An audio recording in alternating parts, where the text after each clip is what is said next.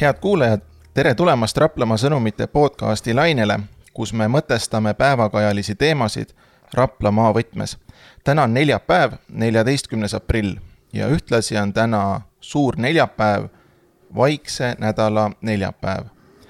pühapäeval tähistavad kristlased üle maailma ülestõusmispühi ja loomulikult tehakse seda ka Eestis Raplamaa sõnumite toimetuses on täna külas Märjamaa kirikuõpetaja Illimar Toomet, tervist!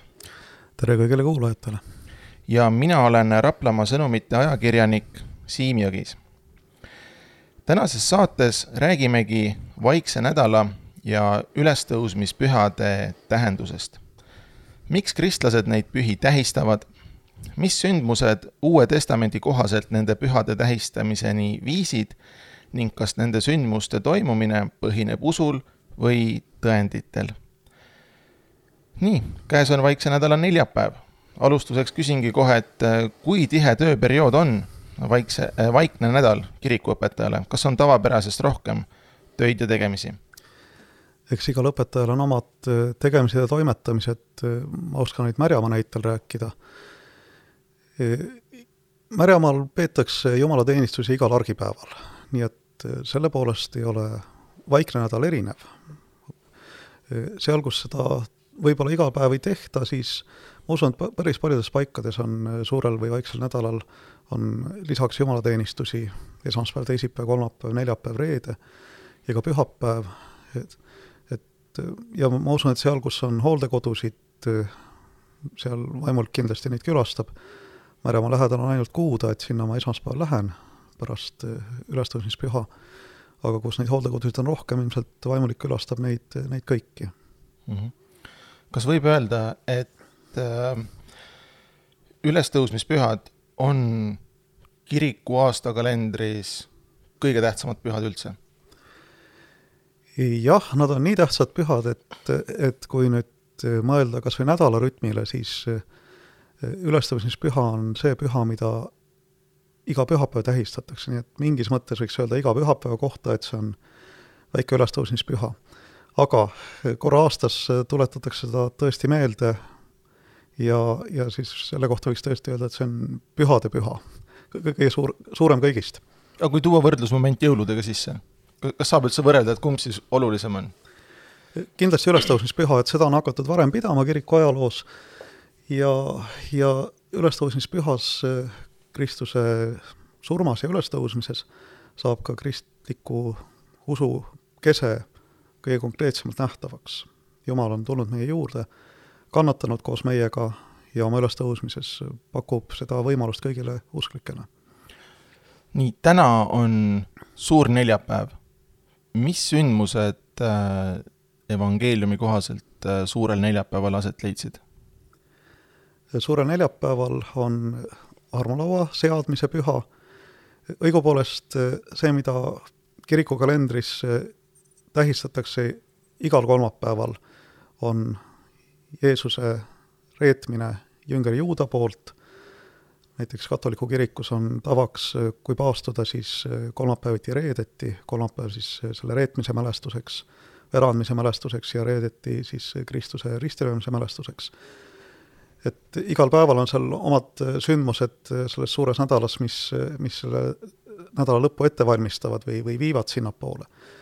aga suur neljapäev on siis see viimane söömaaeg, kus Jeesus oma jüngritega istub koos, see ei ole mitte lihtsalt viimane söömaaeg, vaid see oligi juutidel paasapühadele eelnev selline söömaaeg, kus tuletati meelde Egiptusest lahkumist omaaegsest orjapõlvest ja seal oli rituaalsed äh, palved ja ja küünalde süütamised, mida juudid tänase päevani teevad ja oluliseks peavad.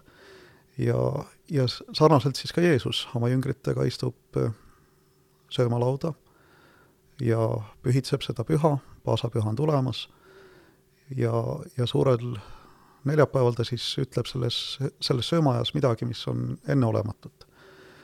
murrab leiba, annab jüngritele, ütleb, see on minu ihu. annab äh, veinikarika oma jüngritele, ütleb, see on minu veri. ja ütleb, et äh, see on, see on selle mälestamiseks, mis nüüd toimuma hakkab. et tehke, tehke seda alati. ja, ja selle, selle mälestusena siis ja selle, selle meeldetuletusena kirik iga kord, kui ta missat peab või jumalateenistust armulauaga, tuletatakse meelde sedasama suure neljapäeva Jeesuse ja tema jüngrite viimast ühist söömaaega mm. -hmm. mis minu jaoks on väga tähelepanuväärne, on see, et tegelikult äh, need äh, Vaikse nädala sündmused on inspireerinud äh, suure hulga kunstitöid, kunstiinimesi. et tegelikult need sündmused, mis sellel nädalal aset leidsid, siis vähemalt ütleme Uue Testamendi kohaselt, need on inimkonna kultuuriloos väga suure jälje jätnud no Jeesuse surm ja ülestõusmine on kristliku usu seisukohalt, ongi pöördepunkt maailma ajaloos. ja kui mõelda nendele allikatele, millele ka kunstnikud tuginevad, siis võib öelda, et seesama viimane, viimased päevad enne Jeesuse ristilöömist on ka evangeeliumides üsna täpselt dokumenteeritud. noh, seal öeldakse viimase ööpäeva kohta lausa, et võib põhimõtteliselt minuti täpsusega öelda, millal Jeesus, kus ta oli, kuhu ta läks, kes seal olid, et erakordselt täpselt kirjeldatud. ja, ja eks see võimaldab ka lugejal ja kaasamõtlejal ennast nende sündmuste keskele panna, asetada ja kunstnik ilmselt see ins-, ka rohkem, inspireerib rohkem, ta annab, annab nagu noh, väga elava pildi sellest, mis toimub. jah, Da Vinci Püha õhtu söömaaeg, ma usun, et see tuleb äh, inimestele kindlasti silme ette ja see põhinebki, eks ole, nendel sündmustel, mis siis äh, Vaikse nädala sees täna õhtul toimusid. jah, no ütleme, eks ole kunstniku loomupärane soov ja iseenesest ka mõistetav, et et see sündmus asetatakse meie aja konteksti. Da Vinci siis oma aja konteksti, Jeesus oma jüngritega pannakse istuma eh, sellesse söömalauda, kus Da Vinci oma sõpradega istus. või, või, või kus, kus tema perekond sõi. et eh, meie ajal võiks see välja paista teistsugune, et evangeeliumides eh, jah, Jeesus, kui ta oma jüngritega sõi, siis seal olid pigem sellised lamamisasemed, kus ühe külje peale toetudes siis võeti laualt midagi. noh, Da Vinci'l mm. istuvad nad kõik ilusasti ühes rivis mm, -hmm. ühel pool lauda, et et võib öelda, et nii see kindlasti välja ei näinud, aga mm. tegelikult kunstniku soov on ka näidata kõiki neid karaktereid, kõiki neid inimesi seal, kõiki neid Jeesuse jüngreid ja, ja osav kunstnik oskab ka tuua need mõtted esile, mida need inimesed mõtlevad, seal ongi erinevad jüngrid oma erinevate, erinevate iseloomudega ja mõtetega ja, ja see on ka teosest näha. Mhm. no Vaikne nädal sai tegelikult alguse juba palmipuude pühast jah, Jeesuse tulek Jeruusalemma siis eh, selleks suureks nädalaks, eh, noh, mille lõpuks on siis tema traagiline ristilöömine, surm ja siis pühapäeval ülestõusmine. milles seisneb äh, palmipuude püha tähendus? kui evangeeliumi lugeda, siis Jeesus tuleb Jeruusalemma, eh, hangib selleks ühe eesli, mille selga ta istub ja ratsutab siis linna ja rahvahulk tuleb talle vastu. Jeesus on ilmselt kuulsaks saanud, et ta on tuntud jutlustaja, ringi, ringi käinud mööda maad, teinud imetegusid, tervendanud inimesi ja, ja need inimesed, kes teda vastu võtavad, näevad, et näevad temas kuningat. et nüüd võiks olla, temas võiks olla see, kes toob meile rahu ja õnne. ja, ja see, et talle laotatakse tee peale maha oma riided, noh, tänapäeval näeme seda, kuidas tuntud ja kuulsad inimesed punasel vaibal kuhugi astuvad, mhm. laotatakse vaip maha kuskil lennuki trepi ees või, või on see mingi filmifestival, kus siis kuulsad inimesed tulevad, ajakirjanikud pildistavad, et see on see sama tähendus, et inimesed laotasid oma riided maha Jeesuse ees, et teha talle vaip, mida mööda oleks kuningal vääriline tulla. ja see, miks ta on saanud nime palmipuude püha, et nad võtsid palmipuude oksi ja lehvitasid nendega ja seegi on selline kuninglik auavaldus või, või nõnda avaldati au kuningale. jah, Jeesus tuli kuningana, aga mitte sellisena, nagu inimesed oleks tahtnud või oodanud, et ta, et lööks korra majja, lõpetaks korruptsiooni ja, ja ra-, raudse rusikaga eh, kõrvaldaks kogu ülekohtu, tööda, toidaks kõik näljased ja teeks terveks kõik haiged. Eh, üsna inimlikud ootused, aga Jeesus ei tulnud selleks mm. -hmm praegu veel kehtib kirikus paastuaeg? praegu veel? praegu veel. kas üks põhjus, miks äh, kristlased ootavad nii väga ülestõusmispühi, ongi see, et paastuaeg saab, saab sellega läbi? tänapäeval ma ei tea, kui palju keegi paastub ja, ja millest paastub, sest meie ajal, eriti protestantlikus Eestis on paastumiskombed üsna ära kadunud. Paastumine siis selles tähenduses, et loobutakse lihatoitudest ja õigeusu kirikus ka seal võist, piimast, juustust, munadest ja, ja muust taolisest. et üks on see paastumise välimine külg, väline külg, et, et ma piiran oma toitumist selleks, et mu vaim oleks virgem. aga kui sellega ei kaasne oma südame läbikatsumist ja mõtlemist, et aga kuidas ma elan ja milleks ma elan ja, ja mida ma teen, milline mu elu üldse on, siis võiks öelda, et sellest lihatoidust loobumisest ei ole eriti suurt kasu. pigem söö liha rahulikult edasi, kui sa võtad tõsiselt küsimust selle üle, sellest, et et kes ma inimesena olen ja, ja kas mu elus vajaks, elu vajaks mingeid muutusi et ma ütleks, see, see on õige ja hea paast. ja see, mis paastamise juurde käib või peaks kuuluma kindlasti, on heade tegude tegemine. Praegusel ajal, kui Ukrainas käib sõda, siis eh, ilmselt mitte ainult Eesti rahvas, vaid paljud teisedki rahvad siin Ida-Euroopas eh, teevad praegu häid tegusid ja õigeid tegusid. aga, aga see võib tähendada ka naabrimemmele helistamist või, või tema ukse taga koputamist, kuule, kuidas sul läheb, et eh, kas ma saan sind aidata, et see on täpselt samamoodi hea tegu, mida mida ei tohiks tegemata jätta mm. -hmm. homme on suur reede ja. ja see on see päev, kui äh, Uue Testamendi kohaselt äh, Kristus risti löödi. nüüd äh, kuidas sellega on, et kas need sündmused tegelikult leidsidki aset nii, nagu nad on Uues Testamendis äh, välja toodud, kas kas see põhineb usul, kas see põhineb tõenditel? tähendab, sündmuse kirjelduse kohta võib küsida, kas nad põhinevad usul või tõenditel. sündmused olid või ei olnud. kui vaadata evangeeliume, siis uues piiblis on Uus Testament, siis mis räägib Jeesuse elust ja, ja tema järgijate elust ja siis kogudustest, mis kristlike kogudustena rajatakse.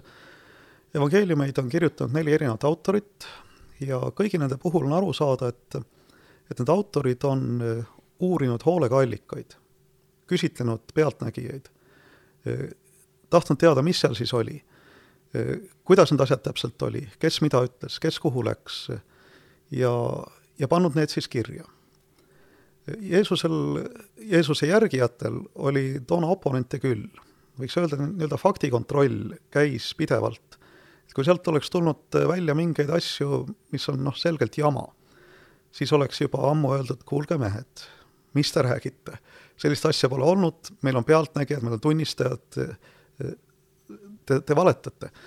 aga evangeeliumide puhul ei, ei ole kedagi, kes oleks suutnud tõestada, et, et neid sündmusi pole olnud, sest need põhinevad siiski pealtnägijate kirjeldustel ja ja üks, mida on, mida ma olen kuulnud ühelt kolleegilt, kes varem politseis töötas ja, ja tema tegi siis leeritunde kriminaalpolitseinikele Keskkriminaalpolitseis. ja, ja rääkis nendest evangeeliumidest ja ta ütles, et need professionaalsed uurijad ütles, et kui nad võrdlevad, nad lugesid siis nii-öelda oma kodutööna ka neid evangeeliume ja ta ütles, et see, et need tekstid ei lange kokku ja et seal on vastuolusid. üks ütleb natuke ühtmoodi, teine ütleb natuke teistmoodi, keegi jätab midagi mainimata või siis sündmused on natuke erinevas järjekorras, need professionaalsed uurijad ütlevad, et see teeb teksti tõepäraseks et kui kõik räägiksid täpselt ühte juttu, siis on aru saada, et noh, neli evangelisti on istunud laua taha, mis tekst meil on, nii, paneme nüüd kõik sündmused klappima. Ja, ja see on kohe ära, aru saada noh, professionaalile, et, et noh, et inimesed nõnda ei mäleta asju. igaüks räägibki natuke oma vaatenurgast, unustab midagi ära, ajab sündmuste järjekorra segamini ja evangelistid on need kirja pannud nii, nagu tunnistajalt kuulnud on, et, et see tegelikult sellised väiksed vastuolud lisavad tõepärasust. kui mäletan, kui ma käisin veel pühapäevakoolis väikse poisina ja siis äh, üks küsimus, mis mul seda lugu kõike kuuldes äh, toona tekkis, oli see, et äh, et millesse siis äh, Kristus tegelikult äh, suri. et kui ta oli seal risti peal, tal löödi naelad äh, läbi käte, siis see ju iseenesest inimest ei tapa veel. et mis see siis oli, mis, mis lõpuks tema surmani viis?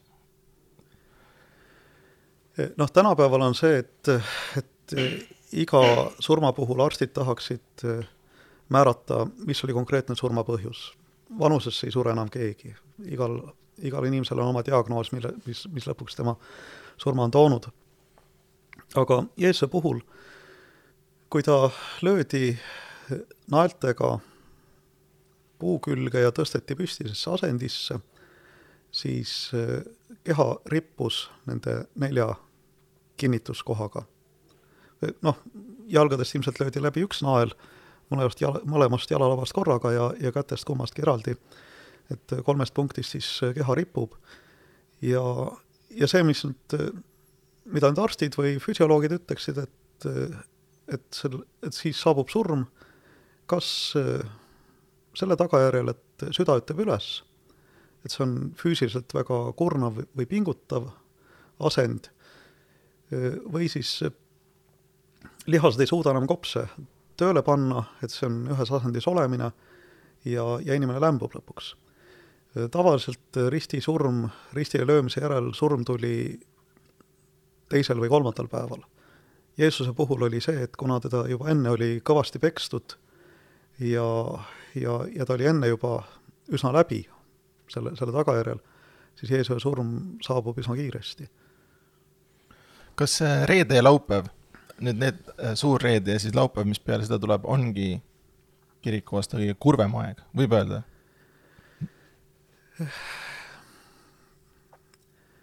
kristlane elab alati Kristuse ülestõusmise teadmises, lootuses ja usus. ühest küljest on see tohutu kurb, et, et inimese, inim-, inimkonna süü või patt on selle põhjustanud, et Jumala poeg on pidanud tulema selleks, et surma endas kanda või surra meiega koos ja meie eest. ja samas on, on kristlasel ka see teadmine, et see on toimunud minu pärast. et eh, see on, et kui ma enne rääkisin paastu tähendusest, et, et paast võiks olla mõtisklemine, mõtisklemine iseenda üle, kes ma olen ja, ja mis mu elus vajaks muutust, siis võiks öelda, et suur reede ja, ja vaikne laupäev eh, on, võiks öelda, et siis peaks jõudma tipule see, et, et sügavas patukahetsuses mõeldakse oma elu üle järele ja, ja võib-olla siis oleks õige hetk teha mingeid otsuseid, anda endale ja Jumalale tõotusi, et ma tahan oma elu muuta. aga see on ikkagi selle ootuses, et, et varsti saame tähistada Kristuse ülestõusmist ja rõõmustada, sest ta on tõesti surmast üles tõusnud. ja just see ülestõusmise osa ka, et äh, kui ta suri ja siis oli mitu päeva surnud ja siis ärkas uuesti ellu. kas see kõlab kuidagi no uskumatu või imena? kuidas seda, kuidas seda käsitletakse ristiusu teoloogias, oli, oli see ime, et Kristus üles tõusis? see on midagi hoopis enamat kui imet, sest äh, see, see, kuidas kristlik kirik seda tõlgendab äh, või mis tähendust selles äh, kirik näeb ja tunnistab, on see, et et kui Jumal alguses lõi maailma, noh, selle maailma, kus me praegu elame, siis eh, Jeesuse ülestõusmisega algas uus loomine. et uus maailm sai alguse. selles, et Jeesus tõuseb üles, sest eh, kui Jeesus üles tõuseb, ta ei ole niisugune nagu tavaline inimene, et näiteks evangeeliumid räägivad, kuidas jüngrid on eh, ühes kohas koos, nad ilmselt kardavad, eh, äkki juudid eh, hauvad midagi nende vastu, uks on lukus, ja järsku Jeesus seisab nende keskel. mitte, et ta oleks ola-, osav lukussepp olnud või muukinud ennast kuidagi kohale, vaid ta tuleb läbi seinte. et see on, see on mingi teistmoodi olemine, et ühelt poolt ta sööb koos jüngritega, näidates, et ma ei ole tont, ma ei ole vaim mm. -hmm. ma söön koos teiega ja samas eh, on tema olemine selline, et ükski uks ega sein teda enam ei pea. ja, ja näiteks kui räägitakse sellest, kuidas Jeesus eh, ülestõusmisel, ingel tuleb taevast alla, Jeesus oli maetud eh, kaljukoopasse, mille uks oli, või avaus oli suletud suure kiviga, ingel veeretab kivi eest ära, et siis seda kivi äraveeretamist ei olnud mitte Jeesusele vaja, sest tema tuleks läbi halli kivi nii-öelda aga kivi oli eest ära, ära vaja veeretada inimeste jaoks, kes võiksid sisse vaadata ja näha, et teda ei ole seal enam. kui palju käib inimesi ülestõusmispühadel kirikus, Märjamaa näite põhjal näiteks?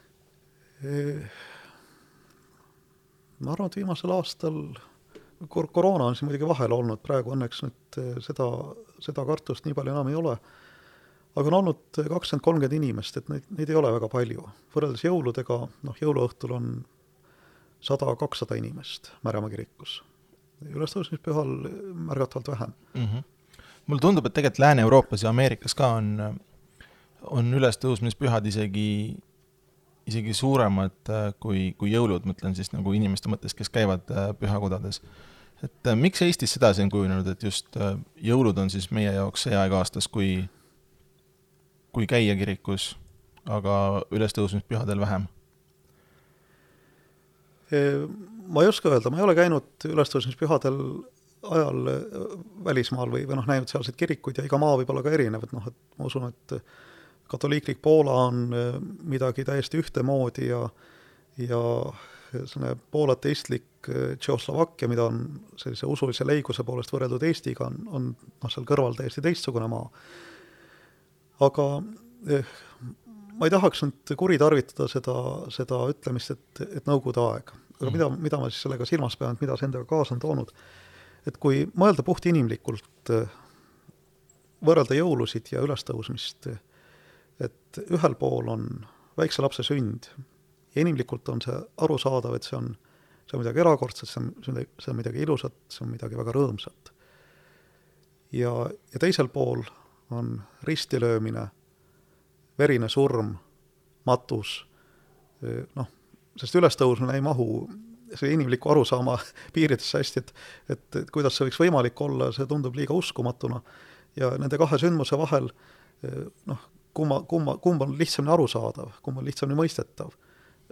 arusaadavalt väikse lapse sünd on, on rõõmsam ja, ja arusaadavam ja, ja ristilöömise puhul noh, Apostel Paulus on juba Uues Testamendis öelnud, et et juudid otsivad imetähti, kreeklased tahavad filosofeerida, otsivad tarkust, aga kristluse keskne sõnum on Kristuse ristis. ja, ja see ei meeldi ei juutidele ega kreeklastele, noh, ma ütleks samamoodi ilmselt tänapäeva inimestele, et, et see tundub liiga müstiline, liiga arusaamatu, võib-olla see on põhjus. kas see number kakskümmend, kolmkümmend äh, siis koguduse liigid, liiget kirikus äh, ülestõusmispühadel, kas aastate jooksul on muutunud? eks ta on tasapisi vähemaks jäänud, sest noh, ütleme, see aktiivsete koguduste inimeste hulk on, koguduse inimeste hulk on jäänud äh, väiksemaks, osa usinatest käijatest on, on äh, nüüd enam kodunt välja ei pääse oma haiguse tõttu või, või on ka surnud, aga samas on tulnud uusi inimesi peale, nii et et kui mõelda selle kiriku käekäigu peale, siis Einar Laigna, kunagine Märjamaa kiriku õpetaja, on rääkinud äh,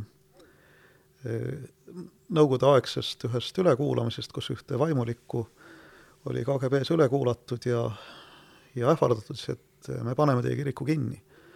me keelame teid ära, teil ei jää sinna kedagi muud kui vanad naised. ja selle peale oli vaimulik öelnud tänu jumalale, sest vanad naised ei saa kunagi otsa. Ja, ja noh, nii ta on, et nooremad inimesed tulevad, lähevad, mehed tulevad, lähevad, aga need vanad naised on igas kirikus olemas ja on, võiks öelda, et on see tugisammas ja, ja raudvara koguduse jaoks, kes, kes elavad üle ka rasked ajad mm. -hmm. mis on äh, ristitee palvus, ma tean, et see on teil homme siis reedel kavas, mis, mis sündmus see on? ristitee palvus on katoliku traditsioonist pärit palvus, mida ka protestandid teevad ja see on siis palvus, kus on neliteist peatust, kus tuletatakse meelde sündmusi Jeesuse surmamõistmisest kuni hauda panemiseni. seal on vahel siis risti panemine ta õlgadele kolm korda, Jeesuse langemine selle ristikoorma all, Jeesuse kohtumine oma emaga sellel teel Kolgatale, siis Püha Veronika annab oma rätiku, et Jeesus saaks oma nägu kuivatada Siimon Kürenest aitab tema risti kanda, Jeesus kohtab seal teel nutvate naistega, manitseb neid, et ärge minu pärast nutke, nutke eneste oma laste pärast. ja siis see, kuidas ta, temalt riided rebitakse, kuidas ta risti lüüakse, kuidas ta ristil sureb, ristilt maha võetakse, et noh, neliteist erinevat, erinevat äh, sellist äh, peatust ja peatust selles mõttes, et et kui käia katoliku kirikutes, siis on seal väga tavaline, et kiriku seintel on need neliteist erinevat väikest pilditahvlit või, või väikest kujukest ja siis liigutaksegi ühe tahvli juurest teise juurde, öeldakse, et see on, see on nüüd see sündmus, loetakse mingi lühike tekst, väike mõtisklus või vaikne mõtisklus, palve, minnakse järgmise juurde, et liigutaksegi läbi kirikuhoone. ja ma tean, et, et praegusel ajal, kes nüüd tahab suurel reedel ristitee palvusest osa saada, siis tere tulemast homme kell kümme viisteist Märjamaa koguse majas, meil on samamoodi see võimalik, aga ma tean, et näiteks Pärnu, Pärnus, Tartus, Tallinnas tehakse seda ka linnas, et liigutaksegi linnas erinevate kohtade vahel, kus siis erinevates peatustes tuletatakse seda Jeesuse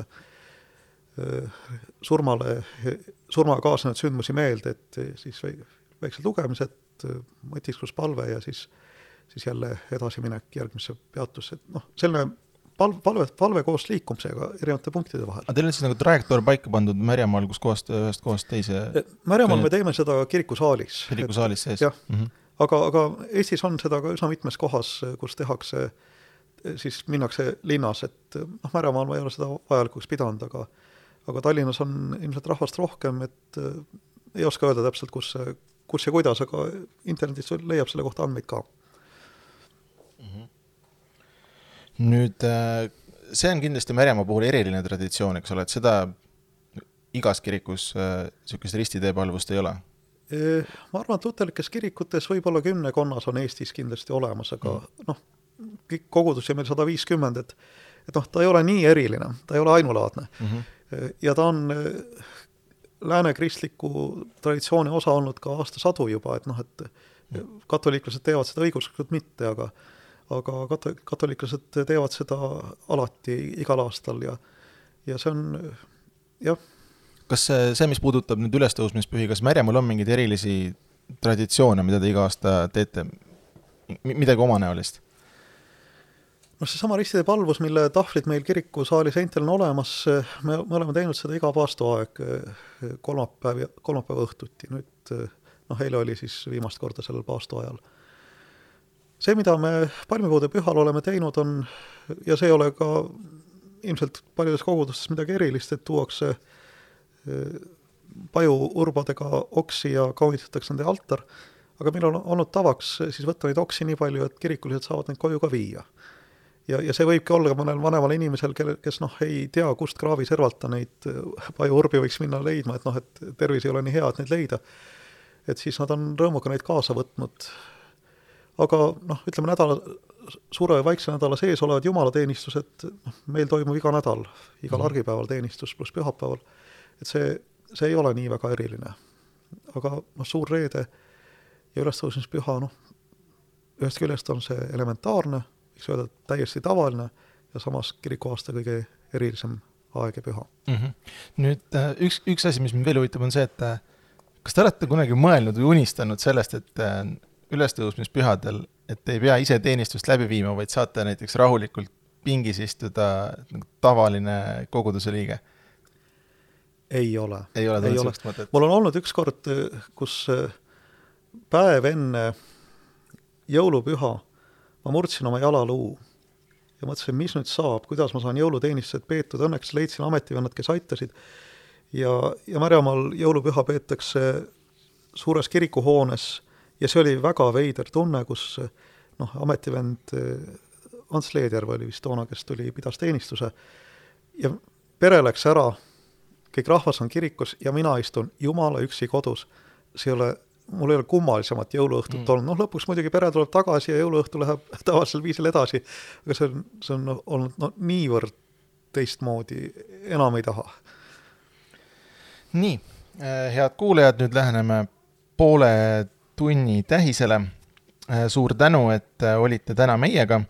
suur tänu, et kaasa mõtlesite, Raplamaa sõnumite podcasti saab kuulata ikka ja jätkuvalt Spotify's ning Raplamaa sõnumite veebilehel sõnumid.ee, kuulmiseni järgmisel nädalal